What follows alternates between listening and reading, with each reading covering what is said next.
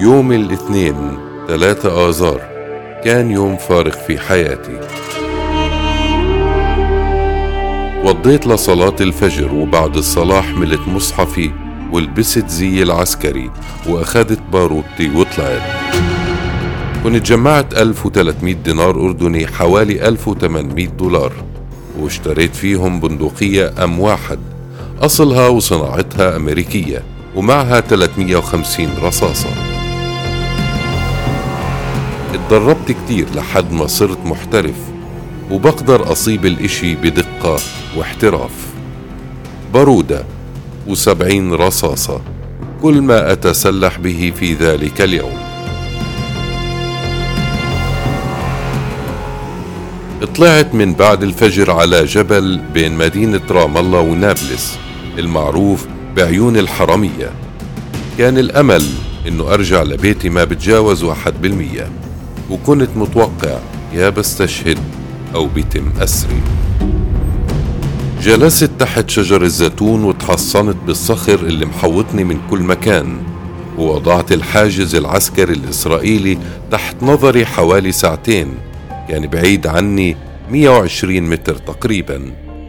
الساعة ستة أطلقت أول رصاصة أصابت أول جندي برأسه فوق عينيه ليقع على وجهه على الفور. صار في توتر في المكان وما تكون رصاصة ثانية إلا بقلب جندي ثاني. ولحقهم جندي ثالث.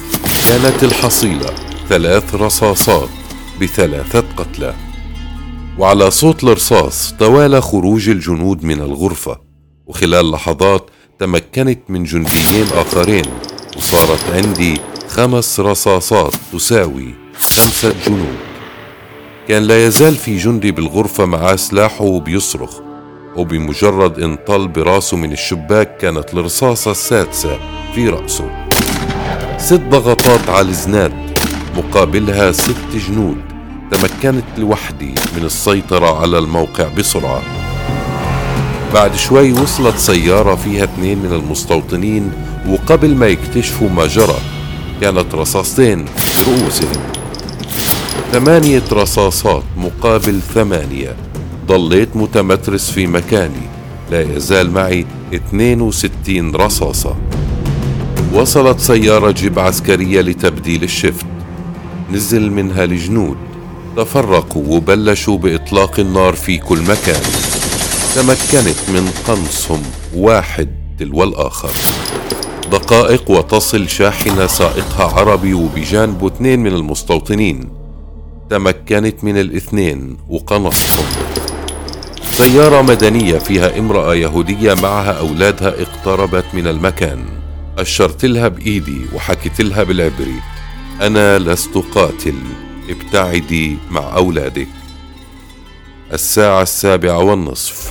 انفجرت البارودة وطارت مني وصارت قطع ستة وعشرين رصاصة مقابل عشرين قتيل من الجنود والمستوطنين. اللي هم أصلا جيش وجنود احتياطيين. سحبت حالي ونزلت عن الجبل متسلل. دخلت قرية سلواد ووصلت بيتي. توضأت ووضعت رأسي ثم نمت.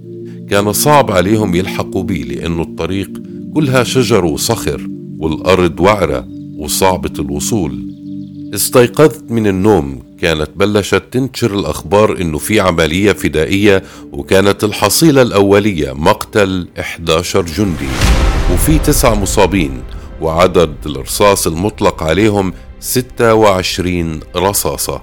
بلشت حملة الاعتقالات بسلواد والتحقيق والتكهنات. إشي حكى إنه اللي نفذ هالعملية زلمة كبير وعنده بارودة من الحرب العالمية الثانية. ومتدرب على القنص. ورواية ثانية حكت إنه المنفذ رجل شيشاني لأنه نوع هذه البنادق موجودة عند الشيشان وتكهنات وقصص كثيرة منها ما هو مضحك. بعدها اعتقلوني وشافوني صغير فطلعوني لأنه ولا احتمال بينطبق علي. عمر صغير 22 سنة في ذلك الوقت. راحت الأيام وإجت الأيام. وبعد ثلاثين شهر يعني سنتين ونص إجا تبليغ إنه أنا مطلوب. لم أذهب وفجأة داهموا البيت واعتقلوني. وبعد تحقيق 75 يوم أخذوا بصمات شظايا السلاح وتطابقت مع بصماتي. وأخيرا ألقوا القبض على منفذ عملية عيون الحرمية في ضابط صهيوني دخل زنزانتي.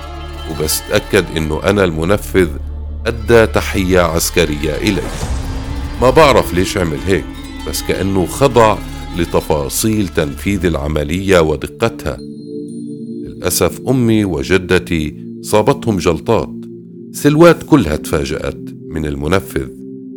استطعت من فعل حيلة وقلت للمحققين إنه عندي سلاح مخبأ في البيت. اقتادوني للبيت ليدوروا على السلاح فشفت أمي وحضنتها وطمنت قلبها ورجعت على السجن. بعد ثلاثين جلسة تم محاكمتي ب 11 مؤبد بمحكمة عوفر العسكرية وتم نقلي لسجن إيشل المركزي. وحطوني بقسم العزل رقم أربعة مع الأسير القائد مروان البرغوثي. ما بنسى كيف استقبلوني البرغوثي والعتيبي رحبوا فيا وشجعوني. ومن التعب نمت على صوتهم حلمت بشغلات كتير تعبتني. حلمت بخطيبتي بأهلي بأحبابي. ثاني يوم تأملت وما تخيلت إنه ما راح أشوف السما من سلواد مرة ثانية. قررت أفسخ خطبتي وأجبرت خطيبتي على ذلك.